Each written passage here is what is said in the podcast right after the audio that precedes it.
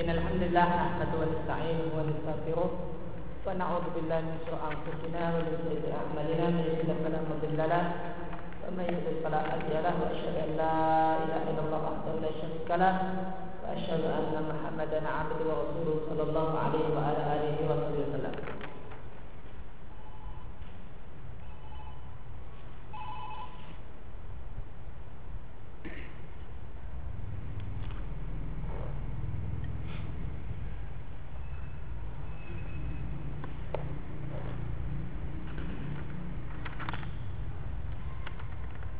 se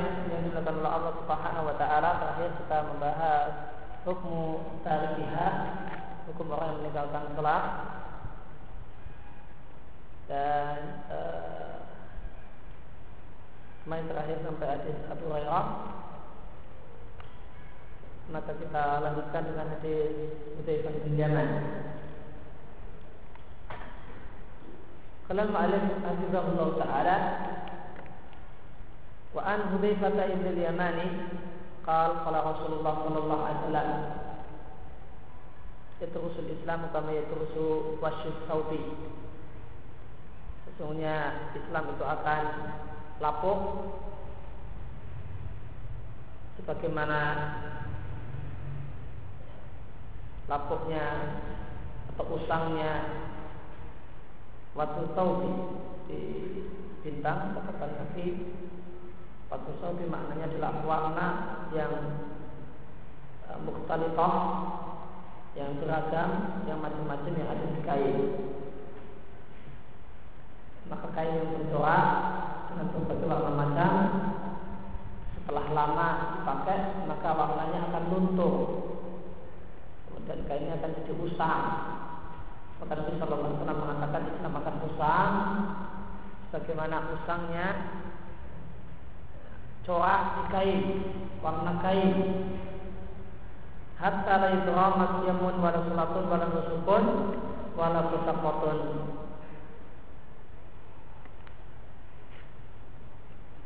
Sehingga tidak lagi ketahui Sehingga orang-orang pada tidak tahu Syariat puasa Syariat sholat Syariat musuh Korban Wala sutakoh Dan syariat sedekah Mungkin yang dimaksudkan adalah zakat, zakat wajib. Wala yasra ala kitabillah azza wa jalla fi lailatin fala yabqa fil ardi minhu ayatun.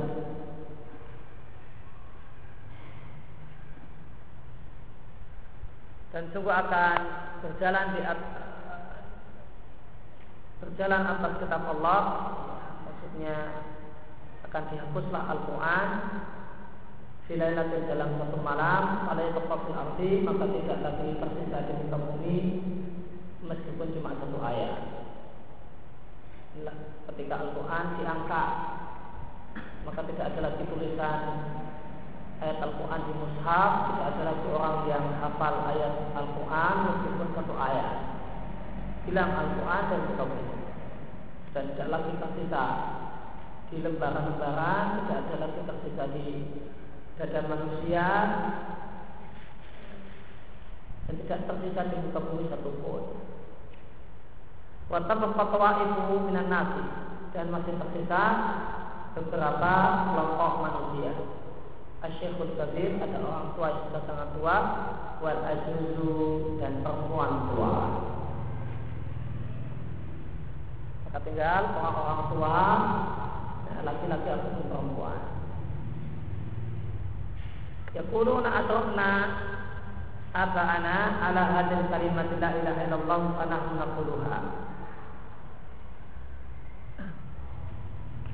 Mereka mengatakan orang tua dan perempuan-perempuan tua mengatakan kami menjumpai nenek moyang kami mengucapkan kalimat la ilaha illallah maka kami pun ikut-ikutan mengucapkannya.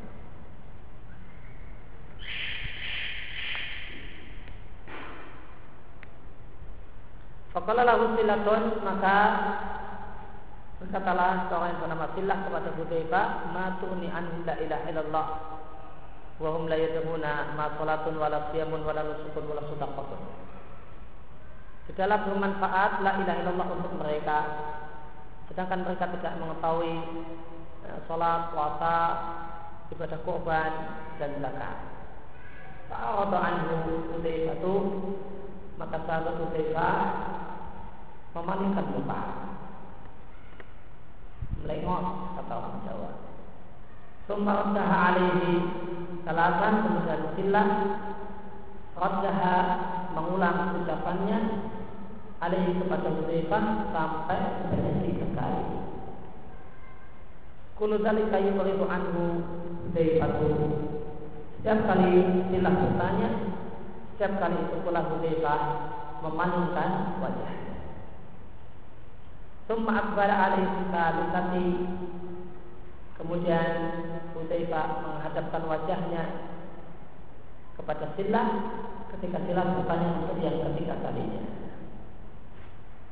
Fakal Hudzaifah lalu mengatakan ya Silatu tunjihim minam nari. Wajillah ucapan la ilaha illallah itu menyelamatkan mereka dari siksa api neraka. Hudzaifah mengucapkannya, mengatakannya sebanyak selatan tiga kali.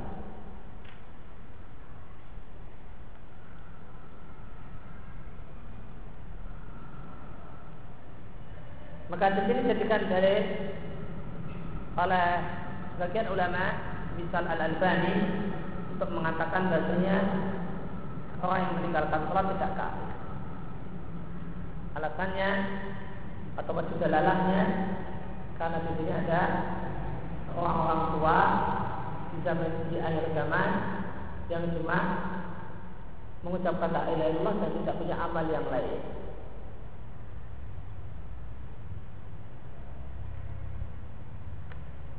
Namun berdalil dengan hadis ini satu hal yang tidak tepat bagaimana kata Syekh Muslimin rahimallahu taala karena mereka-mereka ini orang-orang tua laki-laki dan perempuan tua ini tidak mengerjakan sholat. Disebabkan mereka tidak tahu syariat sholat. Maka ini dalam hal ini maka ucapan la ilaha illallah semata manfaat dalam kondisi khusus semacam ini ucapan la ilaha illallah manfaat maka mereka meninggalkan sholat itu tidak sengaja namun apa? jahlan tidak tahu kalau ada syariat sholat tahu mereka yang mereka cintai dari nenek yang mereka cuma ucapan la ilaha illallah. Maka di sini tidak mengerjakan sholat itu tidak uh, tidak mengerjakan sholat ini tidak layadu tidak masalah disebabkan kondisi khusus. Sehingga tidak layak. Berdalil dengan hadis ini untuk mengatakan tidak kafirnya orang yang meninggalkan sholat dalam keadaan dia tahu syariat sholat. Tentu tidak cocok, tidak pas.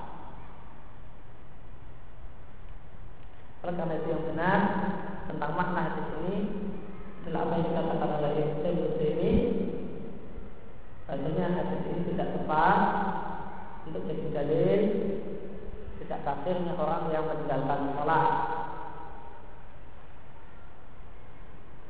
karena mereka mereka ini meninggal tidak meninggalkan tidak meninggalkan sholat karena kondisi khusus halatun khas kondisi khusus itu mereka tidak tahu adanya syariat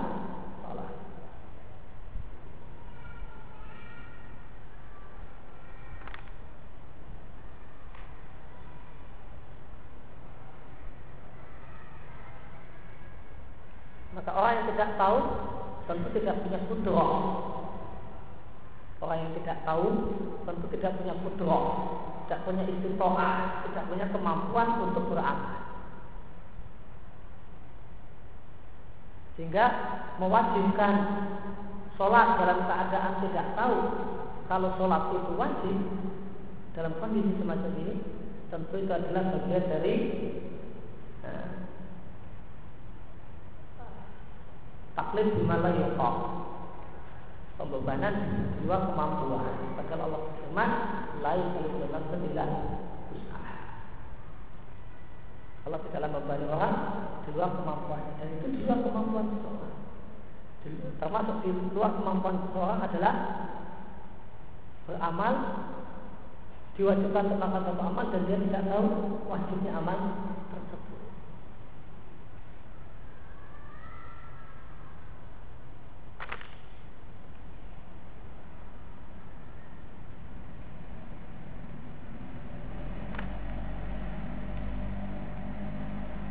Kemudian kandungan lain dari hadis ini sebagaimana bisa kita lihat salah satu hal yang terjadi beberapa saat sebelum terjadinya kiamat adalah hilangnya Quran dari muka bumi.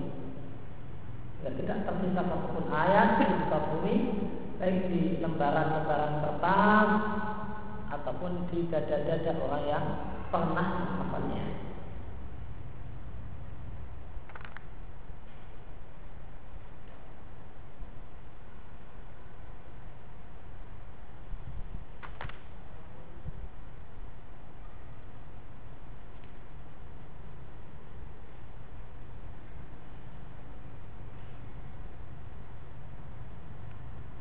Kemudian di sini menunjukkan bahwasanya menunjukkan salah satu akidah al-sunnah atau pendapat al-sunnah bahwasanya taklid dalam akidah sah.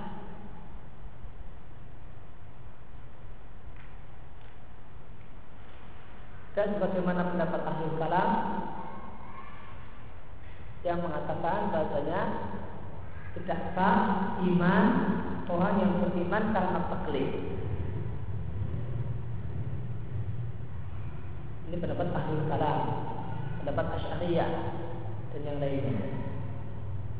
Dan betapa banyak orang kafir seandainya akidah asyariyah ini dipakai.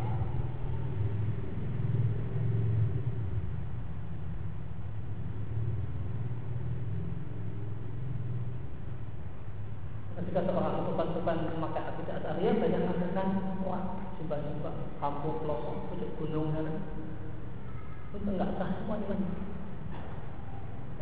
karena tidak Asyariah tidak sah iman tidak sah akidah tidak sah iman orang yang berislam karena taklid. Ya karena bapak saya Islam ya saya masuk Islam dan tidak mengilmu Islam Kenapa kamu sembah Allah ya? Pokoknya kata bapak saya dulu Tuhan kita itu namanya Allah. Itu yang saya sembah dan sholat. Tidak sah, belum sah iman. Orang harus bisa menjawab kenapa saya sembah Allah. Dan dan apa buktinya Allah itu ada. Dan apa buktinya kalau Allah yang disembah itu orang harus bisa jawab. Kalau nggak bisa jawab ini, gimana nggak sah? Menurut tidak Asy'ariyah. Bahkan menurut akidah alul kalam secara umum. Berbeda dengan alul sunnah.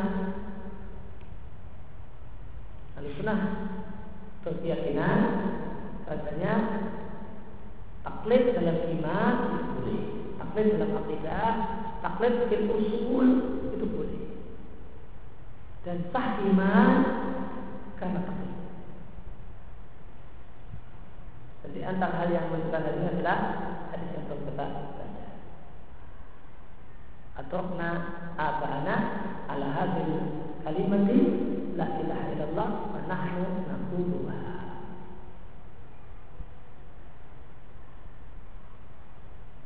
Artinya apa? Taklid dalam dalam akidah.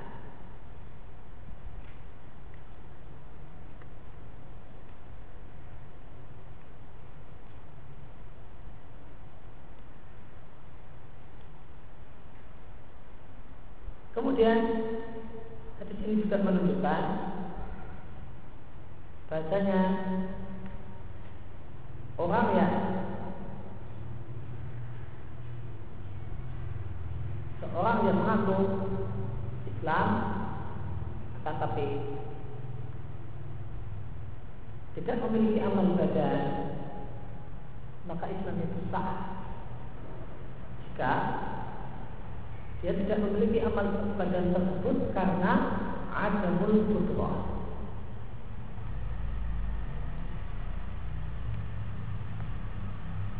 Karena tidak memiliki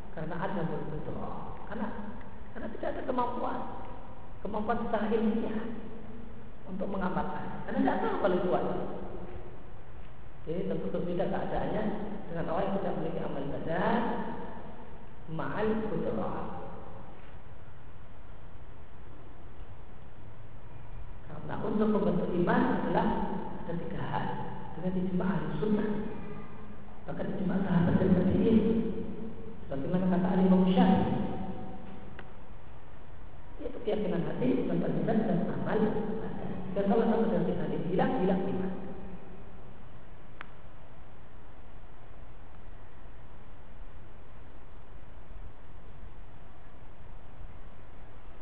Kemudian berikutnya adalah alamat tajibu.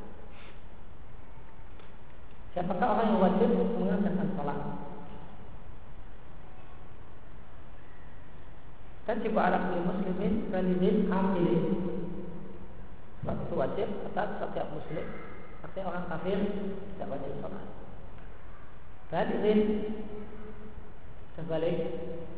Artinya anak kecil Tidak wajib sholat. Yang berakal artinya Orang gila tidak wajib sholat dari Ali radhiyallahu anhu an Nabi sallallahu alaihi wasallam qala rufi al qalam an salasatin an naimi hatta yastayqidha wa an sabi hatta yahtalima wa an al majnun hatta yaqila. Diangkat pena yaitu pena dosa.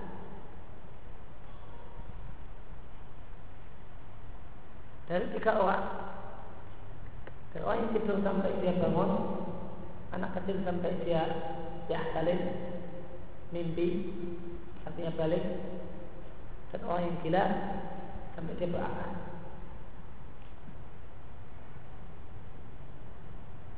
Dan orang gila disebut majnun. Diambil dari kata-kata jannah. Dan semua kata yang mengandung jim, nun dan non mengandung makna teruk mengandung makna tertutup. Kenapa gila disebut junun? Dan kenapa orang yang disebut majnun? Karena orang yang gila itu, orang yang gila itu, orang yang gila itu tertutup akalnya.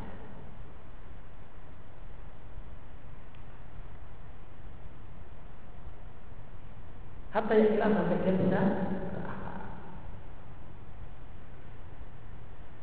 Tadi kita katakan kita katakan yang dimaksud diangkat pena adalah pena dosa. Kenapa?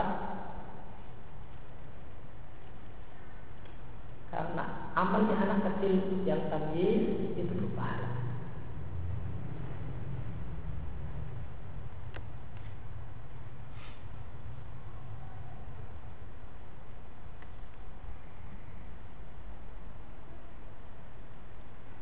berpahala. Dalilnya adalah hadis tentang masalah haji. Ada seorang perempuan yang berhaji dengan anaknya dan anaknya masih kecil ketika Nabi lewat maka perempuan ini mendekat Nabi dan bertanya kepada Nabi alihada hajjun Wahai Nabi sahkah haji anak ini Nabi katakan nah ya walaki ajrun dan untuk wahai ibu pahala. Karena mengajak anakmu berhaji. Maka nanti katakan ada haji untuk anak tersebut dan status haji untuk anak ini adalah haji sunnah. Sehingga harus diulangi setelah dia balik. Setelah dia balik dia berhaji lagi dan itulah haji wajib untuknya dan di sini dalil Katanya salah satu tanda balik adalah istilah. Salah satu tanda balik adalah mimpi basah. Baik untuk laki-laki ataupun perempuan.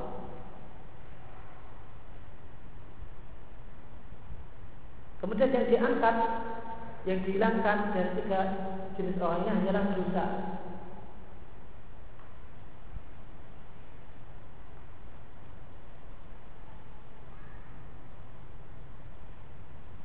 Artinya jika dia berbuat kesalahan tetap ada luman.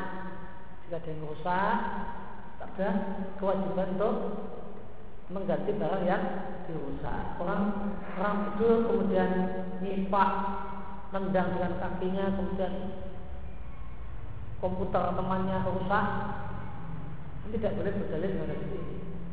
Fi al-kalam an saya nggak mau ganti komputermu. Tidak boleh. Karena yang terangkat dalam ini cuma dosa. Adapun doma kewajiban ganti rugi ketika merusak barang milik orang ya tetap ada.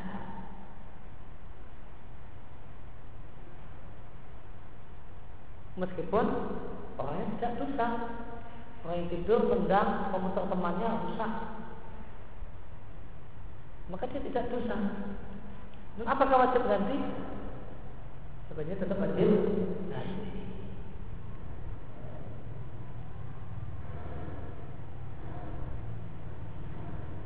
ويجب على ولي الصبي أن يأمره بها وإن كانت غير واجبة عليه ليتعود المحافظة عليها dan wajib atas orang tua si kecil. Atau anak kecil tersebut untuk memerintahkan anaknya mengerjakan sholat meskipun sholat itu belum wajib atas anak tersebut dia ta'awwada supaya terbiasa al muhafadzata alaiha untuk rutin mengerjakan sholat. Dari Amr bin Su'aib dari bapaknya dan kakeknya yaitu sahabat Abdullah bin Amr bin Al-As. Qal qala Rasulullah sallallahu alaihi wasallam Muru auladakum bi salati wa hum abna'u sab'i. Perintahkan anakmu untuk mengerjakan sholat ketika mereka berusia tujuh tahun. Fatribuhum alaiha Wahum abna'u asri sinina Dan pukulan mereka alaiha Karena sholat Ketika mereka berusia 10 tahun Wafariku bainahum bil Dan misahkanlah tempat tidur mereka Antara anak laki-laki dan anak perempuan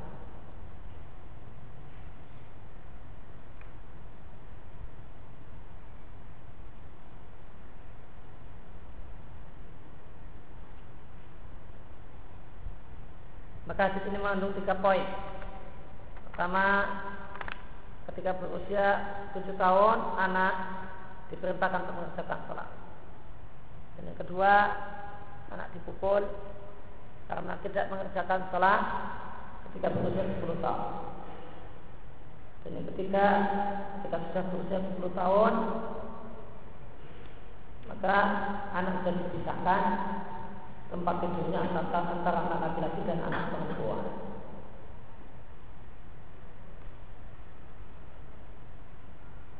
Hadis ini dijadikan dalil oleh sebagian ulama untuk mengatakan bahwasanya tamyiz itu tujuh tahun. Anak itu sudah berusia tujuh tahun, maka dia berstatus sebagai mumayyiz dan tamyiz. Karena di antara ciri tamyiz itu adalah bisa diajak bicara, bisa paham bicara. Dan Nabi Shallallahu Alaihi Wasallam mengatakan bahwasanya anak tujuh tahun sudah bisa diperintah untuk mengerjakan sholat. Muru Allah perintahkanlah Artinya pada usia itu mereka sudah paham perintah. Sudah paham perintah, itu berarti sudah baik.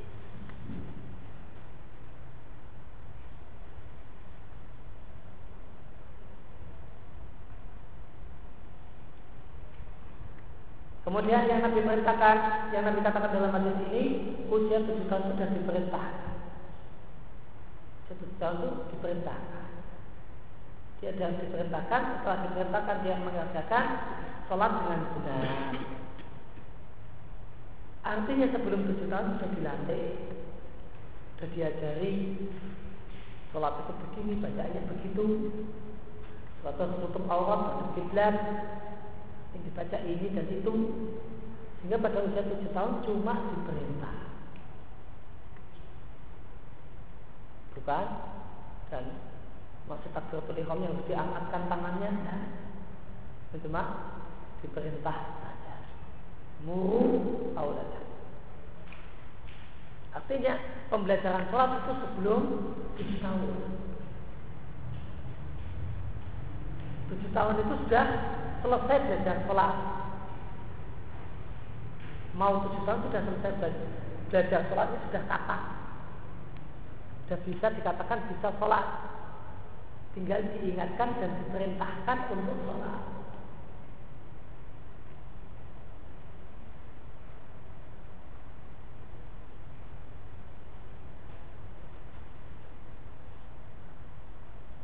Kemudian hadis ini menunjukkan secara teori tidak boleh bermudah-mudah dalam memberi hukuman fisik bagi anak. Karena umur tujuh tahun baru diperintah dan terus diperintah. Cuma diperintah namun tidak pakai fisik. Baru ada fisik setelah 10 tahun.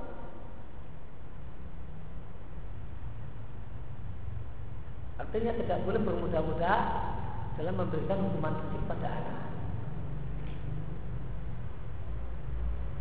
Dan artinya anak itu diberi hukuman secara fisik setelah berulang kali diperintah dan diomong dan dinasihati.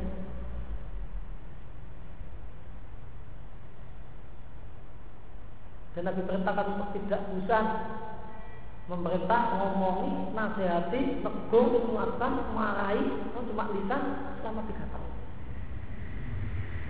Lalu setelah dianggap capek tiga tahun, capek setelah tiga tahun nasihat, ngandani, nasihati, negur, marahi secara lisan, baru boleh marah dengan memberikan hukuman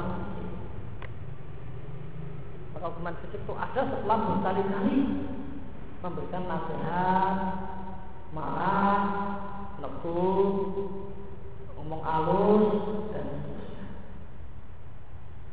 Setelah mentok, baru kemudian hukuman fisik.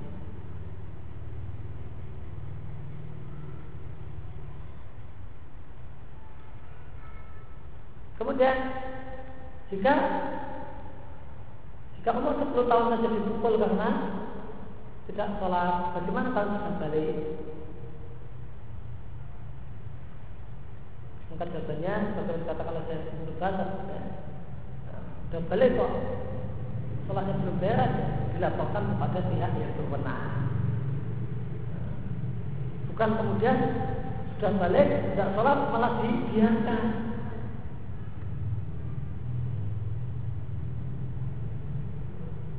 umur 10 tahun aja dipukul hukuman fisik masa umur balik 15 tahun masa malah dibiarkan. Jelas sudah gede sudah empat. Beritahu nah, karena itu makna hadis kalau 10 tahun itu itu dipukul karena tidak mengerjakan sholat. Kalau sudah balik kalau sudah balik sholat. Bin Allah karena itu maka bukan hanya dibeli orang tua harus dilaporkan polisi. Polisi polisinya malah nggak sholat ya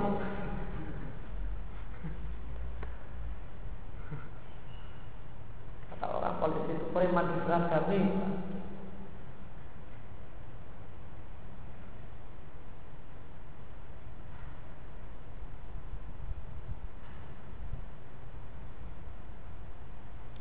Kemudian Hadis ini jadikan dalil oleh Sayyidina Rahimahullah Ta'ala Untuk mengatakan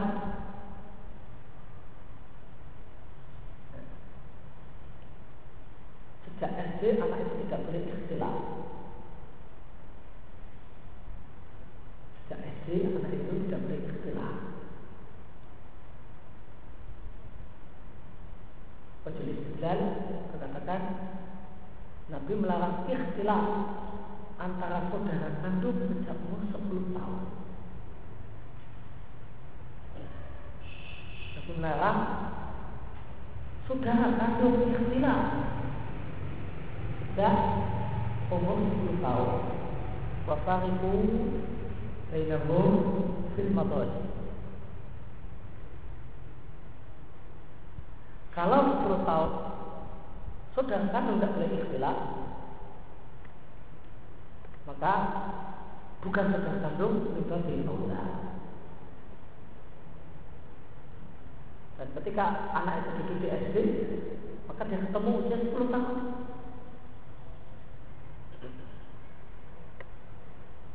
Karena itu hanya dijadikan dalil oleh saya Abdullah bin mengatakan SD juga tidak boleh ikhtilaf.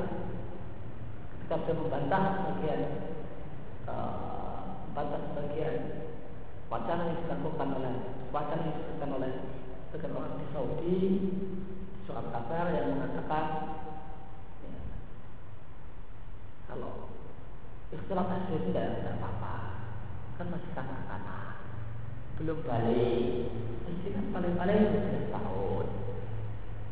Balik kan 15 tahun.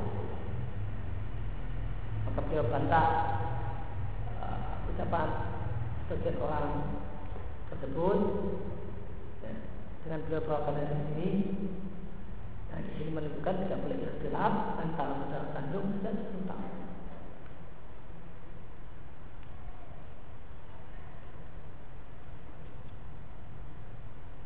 Maka sudah 10 tahun anak itu sudah ditanamkan kata orang terbiak jinsiah, pendidikan seksual.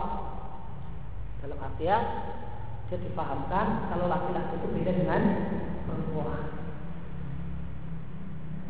Laki-laki, anak laki-laki tentunya sudah sana, perempuan sudah sini. Dipraktekkan sudah umur 10 tahun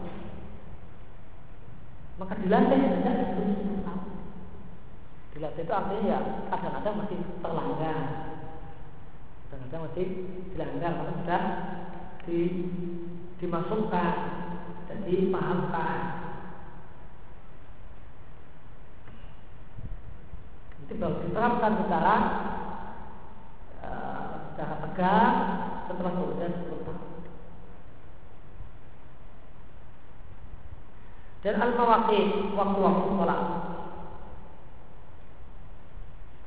Dari Jabir bin Abdullah radhiallahu anhu Anak Nabi sallallahu alaihi wasallam ja'ahu Jibril alaihi salam. Bahasanya Nabi sallallahu alaihi wasallam datang padanya Jibril alaihissalam. Kata sini dalil anjuran untuk mengucapkan alaihissalam atau misalnya ketika menyebut nama malaikat.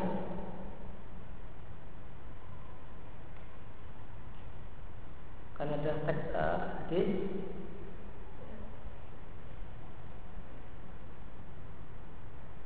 Fakara lalu maka Jibril berkata kepada Nabi Shallallahu Alaihi Wasallam, "Um fasalihi berdirilah katakanlah salat."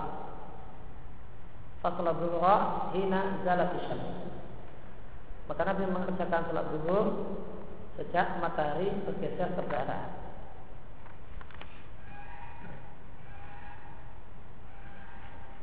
Maka di hari pertama Jibril jadi imam sholat dan Nabi jadi makmum dan sholat yang pertama kali dilakukan oleh Jibril adalah sholat dulu. Oleh karena itu para ulama fikih ketika membahas waktu-waktu sholat maka biasanya yang disebutkan pertama kali adalah waktu sholat duhur. Kenapa? Mencontoh Jibril ngajari waktu sholat yang pertama kali zuhur.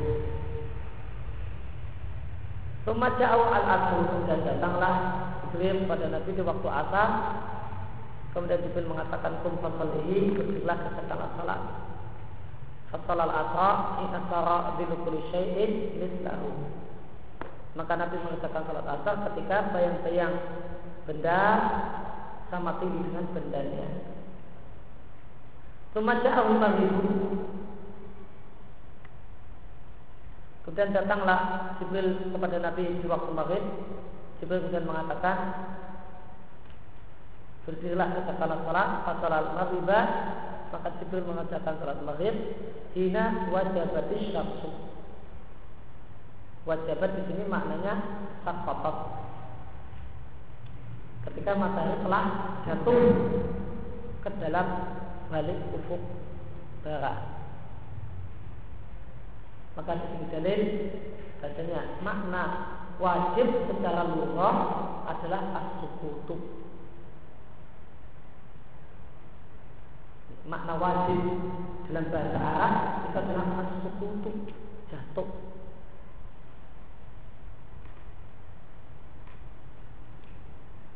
ahul isya'u Kemudian Jibril datang pada Nabi di waktu Isya. Fakal maka Nabi mengatakan dan maka Jibril mengatakan berdirilah kerjakan salat. Fasalat isya'a maka Nabi maka Jibril mengerjakan atau Nabi mengerjakan salat isya. Hina robes syafaku ketika hilang asafaku mendung.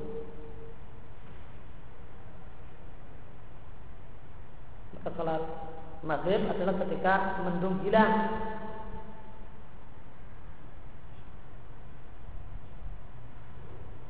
Setelah, uh, waktu sholat isya maksud saya dimulai ketika mendung hilang. Dan ulama sependapat tentang mendung apa yang dimaksudkan. Jumhur ulama mengatakan yang uh, mendung yang dimaksudkan adalah asyafakul ahmar mendung merah yang ada di ufuk barat Hanafiyah Mazhab Hanafi mengatakan waktu isya adalah ketika hilang asyafaqul abyad mendung putih.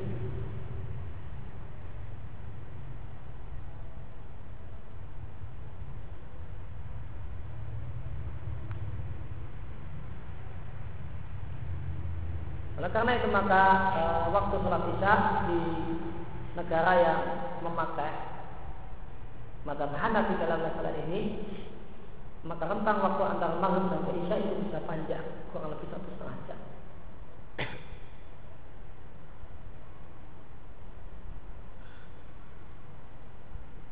Karena ketika mendung merah sudah masih belum waktu isya masih ditunggu lagi sampai mendung putih hilang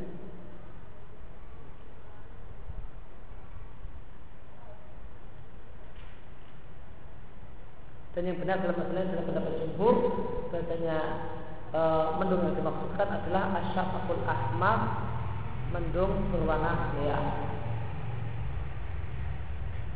Pemaja'ul fajr dan Jibril datang di waktu subuh. Jibril sudah mengatakan berdirilah dan katakanlah salam salat fajr lalu Nabi salat subuh hina fajr ketika fajar terbit. Fakal atau orang yang mengatakan Sata'a Sata'a Al-Fajr ketika fajar telah terang.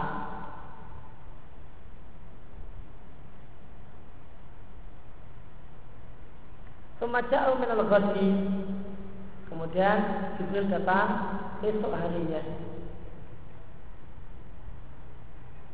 Liduri untuk sholat zuhur. Jibril mengatakan Bangunlah dan kerjakan sholat zuhur Sholat zuhur Maka Nabi sholat zuhur Hina sara Zillu kulli syaitin mislahu Maka Nabi sholat zuhur ketika bayang-bayang benda sama dengan tinggi benda. Semacam al-asram menjadi datang pada waktu asar, akal lalu Jibril mengatakan kepada Nabi berdirilah ketika salat maka Nabi salat asar Nabi salat asar hina sara zillu kulli syai'in mithlaihi maka Nabi Shallallahu Alaihi mengatakan sholat asar ketika bayang-bayang benda itu dua kali lipat tinggi bendanya. Maka di Jabir ini dalil pendapat sebagian ulama tentang waktu akhir waktu akhir untuk sholat asar. Sebagian ulama berpendapat waktu akhir sholat asar bukanlah tenggelamnya matahari akan tapi ketika bayang-bayang benda dua kali lipat tinggi bendanya.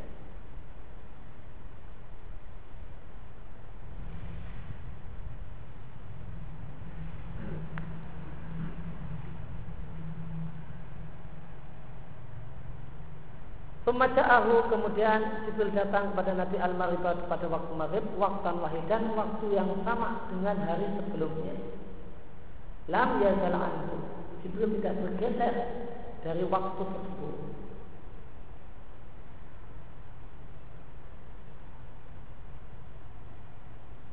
Maka di sini dalil pendapat sebagian ulama bahasanya waktu maghrib itu singkat waktu maghrib itu singkat ya begitu matahari tenggelam waktu sholat maghrib.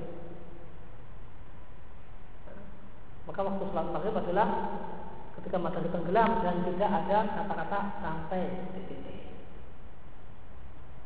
Karena dikatakan waktan wahidah. Sebagian lama mengatakan sholat maghrib itu tidak ada titik-titiknya, tidak ada sampai titik-titik tidak ada. Waktu sholat maghrib matahari tenggelam. Gak. Sampai kapan? Gak ada sampai kapan. Mata tenggelam Artinya waktu sholat maghrib singkat, sangat kok sangat singkat. Begitu mata tenggelam itu waktu sholat maghrib.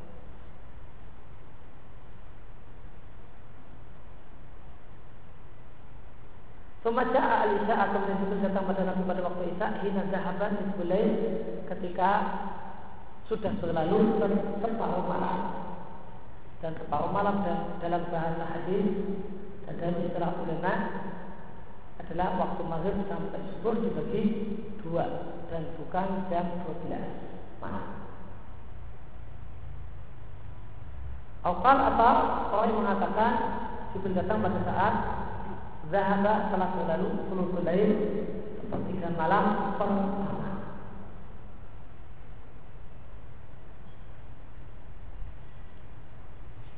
Maka dari sebagai ini dalil Tentunya waktu sholat isya cuma sampai separuh malam. Pembaca ahina asfar jiddan Kemudian Jibril datang pada saat sudah terang sekali. Qal kemudian mengatakan berdirilah setelah salat Fasal al-fajr lalu Nabi mengatakan salat subuh Pemakal setelah itu Jibril mengatakan Ma baina hadainil ini waktu apa yang terjadi antara dua waktu ini waktu di hari pertama dengan waktu di hari kedua itu adalah waktu adalah waktu sholat.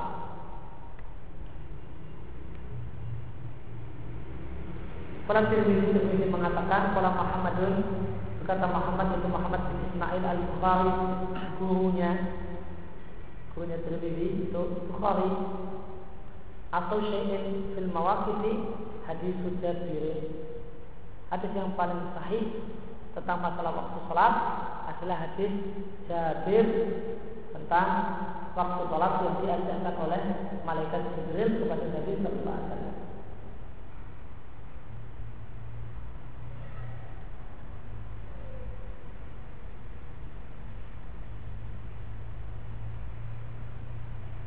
Maka kesimpulan tentang waktu sholat Azuhu waktuhu min zawali samsi Ila ayatira bilukuri syai'in mislahu Zuhur waktunya sejak geser matahari ke barat Sampai jadilah bayang-bayang benda sama dengan tinggi bendanya.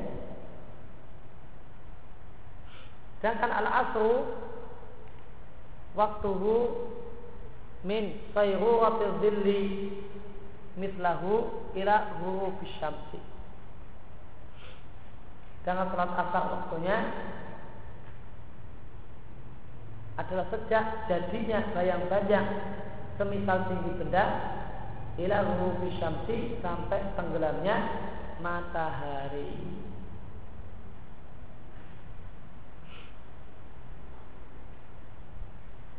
Dan di sini penulis tidak membawakan dalil akhir waktu sholat asar adalah sampai tenggelam matahari. Kesimpulan tentang masalah ini, waktu sholat asar itu ada dua macam.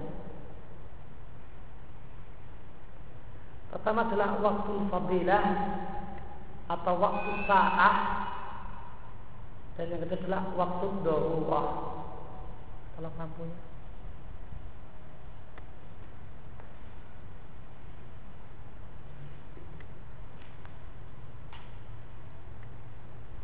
Ya, waktu salat asar itu dua macam. Pertama adalah waktu fadilah atau disebut juga waktu saat, waktu longgar. Itu waktu sholat asar untuk orang-orang yang tidak punya udur syar'i. Dan dia dalam keadaan longgar, tidak punya udur, maka waktunya adalah cuma sampai bayang-bayang benda dua kali lipat tinggi bendanya.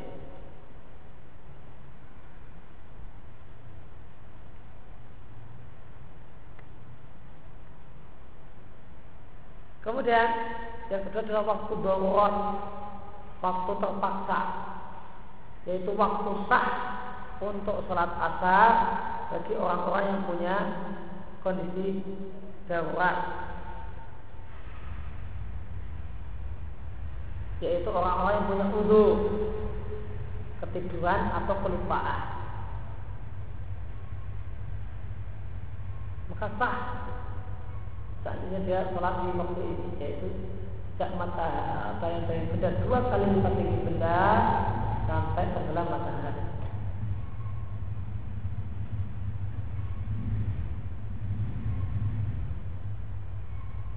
dalil kalau sebelum matahari tenggelam itu masih waktu sholat asar ada sebuah hadis yang mengatakan man asroka raf'atan minal asri qablahu bisamsi faqad asroka salata. Nabi Sallallahu Alaihi Wasallam mengatakan dalam sebuah hadis siapa yang mendapati siapa yang bisa sholat asar meskipun cuma satu rakaat sebelum tenggelamnya matahari maka dia mendapatkan sholat. Artinya siapa yang sholat asar sebelum waktunya habis satu rakaat sebelum waktunya habis, maka dia dinilai maka dia tinggal lanjutkan sholat sampai empat rakaat dan dia dinilai sholat asar tepat pada waktunya. Maka dia sholat asar pada waktunya dan tidak dianggap sholat asar di luar waktunya. Syaratnya asal dapat satu rakaat sebelum waktu sholat asar berakhir.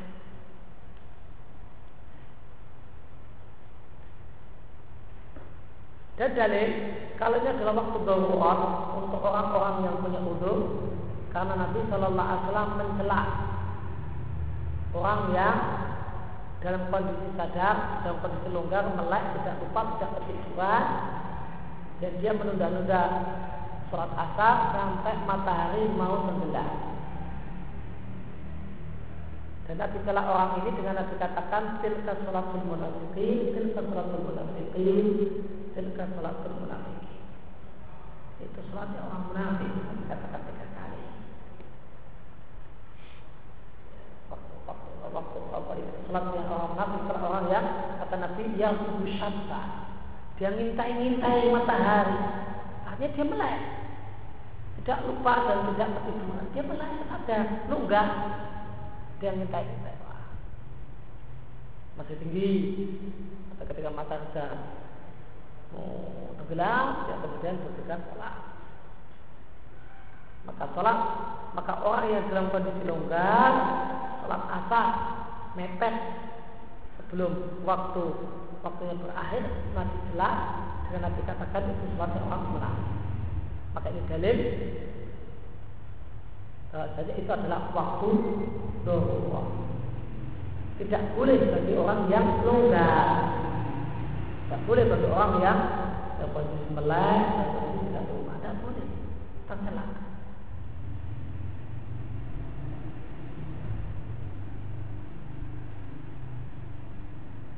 Kemudian maghrib waktu min hubi syamsi ila ayyahiba ayyahiba syafaku. Waktu maghrib pada sejak tenggelam matahari dan yang dimaksud tenggelam matahari adalah tenggelam bulatan matahari. Sehingga bulatan matahari posisinya di bawah ufuk meskipun sinar masih terang.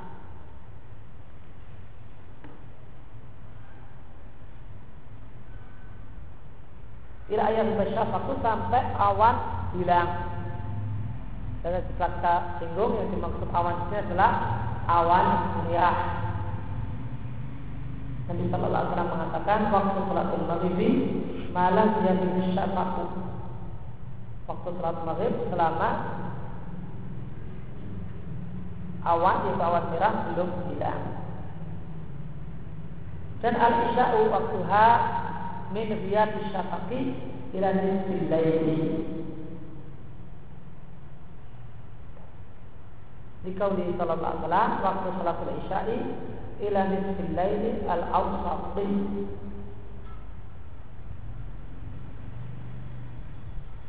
Waktu Isya adalah dari tenggelamnya awan merah sampai cuma separuh malam.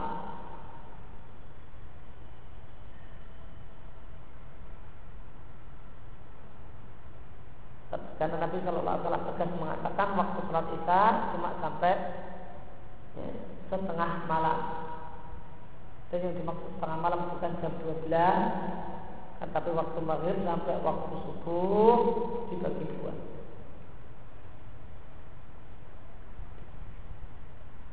Kemudian al-fajr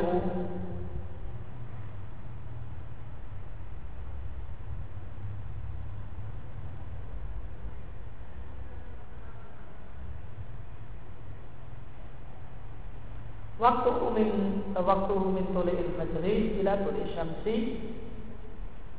Liqaulihi sallallahu alaihi wasallam waktu salat subuhi min tulil fajri malam tatlu malam tatlu syamsu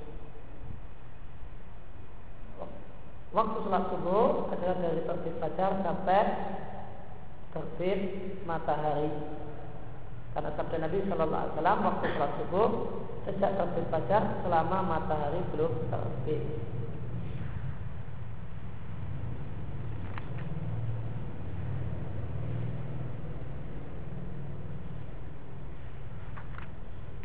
Dan uh, as-salatul wusta ya salat yang wusta, salat yang pertengahan, salat yang paling baik itu salat apa? Allah Subhanahu wa taala berfirman, "Hafizu 'ala salawati" Jagalah salat yang lima waktu wa salatul wusta dan jagalah salat yang pertengahan wa kumulillahi qanitin dan berdirilah karena Allah qanitin qanitin dalam makna ayat dalam ayat ini maknanya adalah sakitin. Diam. Dan tidak bicara. Karena sebelum turun ayat ini sebelum turun ayat ini surat Al-Baqarah 238 diperbolehkan bicara dalam sholat. Bicara dengan orang lain dalam sholat demikianlah hukum sholat di awal-awal Islam sampai turun ayat ini wakumulillahi qanitin dan sejak turun wakumulillahi qanitin dilarang bicara dengan orang lain dalam sholat oleh karena itu qanitin dalam makna ayat ini adalah sakitin. Meskipun makna asal dari qanitin adalah tunduk. Namun maknanya dalam ayat ini bukan tunduk akan tetapi dia.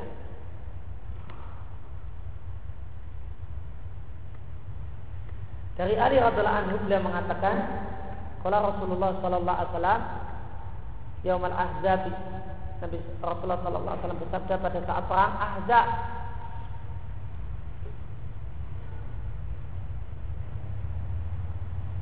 Taghluna anis salatil wusta salatil asri mala Allah buyutahum wa kuburahum naran mereka telah menyibukkan kita mereka itu orang-orang musyrik itu pasukan Ahzab menyibukkan kita sehingga tidak kita tidak bisa sholat wusta yaitu sholat asar. Semoga Allah memenuhi rumah dan kuburan mereka dengan api neraka. Maka di sini ada dalil tegas bahasanya yang dimaksud dengan sholat wusta adalah sholat asar. Ketika itu ketika perang azab itu Nabi Shallallahu Alaihi Wasallam karena sibuk dengan serangan orang-orang pasukan Ahzab Nabi tidak bisa sholat duhur, asar dan maghrib kecuali setelah waktu maghrib. Pada waktu maghrib Nabi sholat duhur, asar dan maghrib.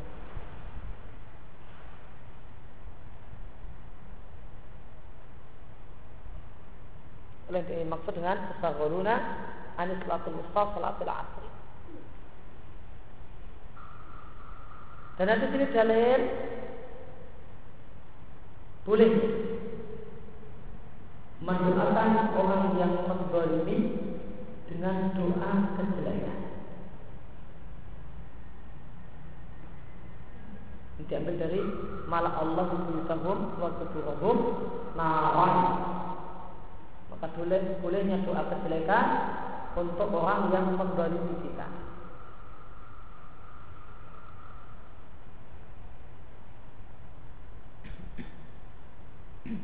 maka anggapan sebagian orang bahasanya tidak layak dai atau orang yang salah itu mendoakan kejelekan untuk orang lain. Secara mutlak secara mutlak tidak boleh sama sekali. Ini satu hal yang tidak benar. Orang yang paling salah nabi sendiri mendoakan kejelekan untuk orang kafir. Yang telah menyebutkan dia sehingga tidak bisa sholat asar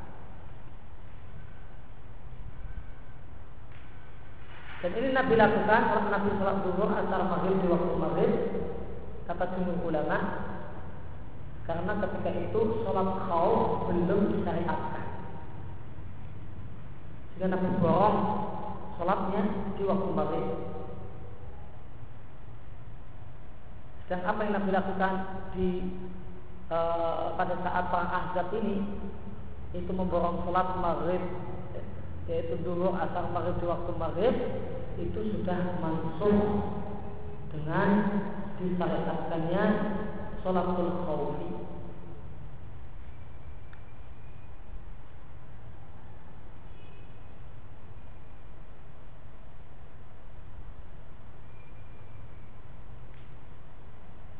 Istibab takdim dhuhri fi awalil waqti fi ghairi syiddatil hari dianjurkan untuk menyegerakan salat duhur di awal waktu jika cuaca tidak sangat panas. Dari Jabir bin Samurah, Nabi Shallallahu Alaihi Wasallam yusalli Nabi salat duhur, ina dahabat as-samsu. Apa makna dahabat? Lihat bintang, zalat wa malat bergeser dan condong sudah meninggalkan tengah-tengah langit menuju ke arah barat. Artinya di awal waktu. Nabi Shallallahu Alaihi Wasallam duhur di awal waktu. Istibabul ibrati bidhuri fi sidatil hari dianjurkan untuk menunggu cuaca sampai agak dingin bidhuri baru mengerjakan salat duhur fi sidatil hari jika cuaca sangat. Dari Abu Hurairah radhiallahu anhu Rasulullah sallallahu alaihi wasallam mengatakan, "Idza shaddal harum" jika cuaca siang hari sangat panas, fa'abridu bis salatin maka tunggulah pelaksanaan tundalah pelaksanaan salat zuhur sampai cuaca agak dingin. Fa inna siddatal hari min faihi jahannam karena panas yang terlalu panas adalah nyala api jahanam. Maka di sini kita lihat fa'abridu di sini ada amr dan amr di sini dimaknai oleh penulis dengan amrul istihbab. Sedangkan tadi di judul sebelumnya beliau memberi judul anjuran untuk menyegerakan waktu dulu di awal waktunya. Kemudian dia membawakan dalil berupa perbuatan Nabi. Karena perbuatan Nabi itu menurut pendapat yang paling kuat hanya menghasilkan hukum anjuran. Istibab kiri bil asri Anjuran untuk menyegerakan pelaksanaan sholat asar di waktunya Di awal waktunya dan dalilnya adalah perbuatan Nabi. An Anas bin radhiyallahu anhu anna Rasulullah sallallahu alaihi wasallam kana Rasulullah sallallahu alaihi wasallam itu sering yusallil asra salat asar wa samsu murtafi'atun hayyatun dan matahari itu masih tinggi dan masih hidup. Yang dimaksud masih hidup adalah masih dalam posisi yang tinggi.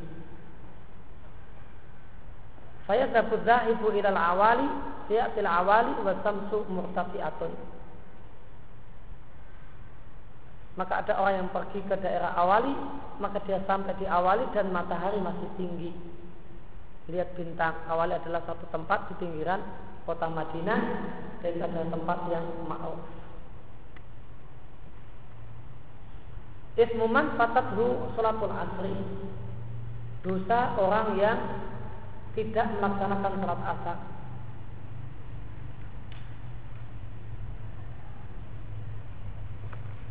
Dari Ibnu Umar radhiyallahu anhu, Rasulullah sallallahu alaihi wasallam mengatakan, "Allah ditafutuhu sholatul asri" orang yang ketinggalan yaitu tidak melaksanakan sholat asar ka'anna mawuti'u ahluhu wa wa maka seakan-akan habislah keluarga dan hartanya.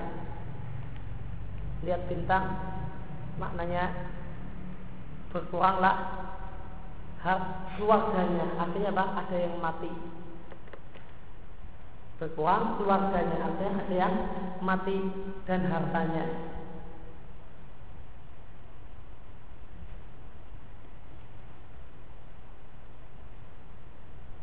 Dari Buaidah radhiallahu anhu Nabi sallallahu alaihi wasallam mengatakan man taraka salatul asri siapa meninggalkan sholat asar tidak mengerjakan sholat asar fakat habita amaluhu maka hapus amalnya.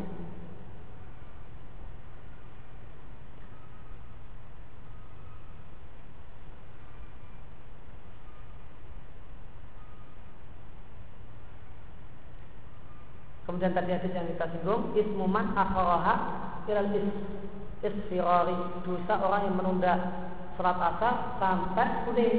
Setelah kuning menjelang tenggelam baru sholat asar. Dari Anas radhiyallahu anhu beliau mengatakan beliau mendengar aku mendengar Rasulullah SAW bersabda tilka sholatul munafiki itulah gaya sholatnya orang munafik Ya jadi dia duduk. Kata-kata duduk di sini berarti tidak ketiduran. Ya kubu syamsa dia mengintai-intai matahari. Artinya tidak lupa kalau ini sudah asar, waktu asar. Hatta idza kanat baina qarnai syaitani sampai ketika matahari di antara dua tanduk setan, koma dia berdiri, karena maka dia mematuk arba'an sebanyak empat kali artinya apa? super kilat la yadkurullah ila qalila karena dia cepat sekali maka dia tidaklah mengingat Allah kecuali sedikit saja maka ini dalil bahasanya setelah bayang-bayang benda itu dua kali lipat bendanya dan jika bayang-bayang benda itu dua kali lipat bendanya sama dengan matahari kuning setelah waktu itu tiba, maka tercela. Sholat kok baru ketika itu untuk orang yang dalam kondisi sadar. Oleh karena itu maka sejak matahari mengurai sampai tenggelam matahari itu bukan waktu sholat untuk orang yang dalam kondisi longgar. Dan adalah waktu sholat untuk orang yang ketiduran dan kelupaan. Dan di dalil bahasanya iblis punya tanduk dan tanduknya dua. Dan di dalil bahasanya ketika matahari mau tenggelam maka iblis mendatangi uh, matahari sehingga matahari posisinya di antara dua tanduknya dan ketika itu orang-orang musyrik sholat menyembah iblis. Demikian wasallallahu ala nabiyina Muhammadin ala.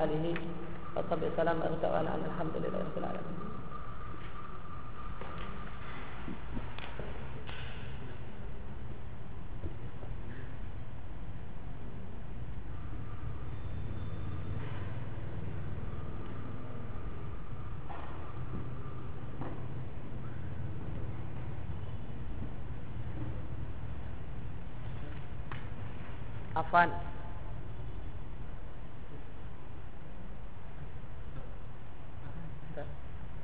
Ahmad Zakasi Hah? Agus Dwi. Anang. Hah? Yang di keluar tuh. Anas. Bambang. Bambang Trik Tidak ada Danar Tidak ada. Dani Tidak ada. Gunawan? Hanif? Irwan? Laksana? Ashar Baru Kajian Rizki Taufan? Yoga hadislerden.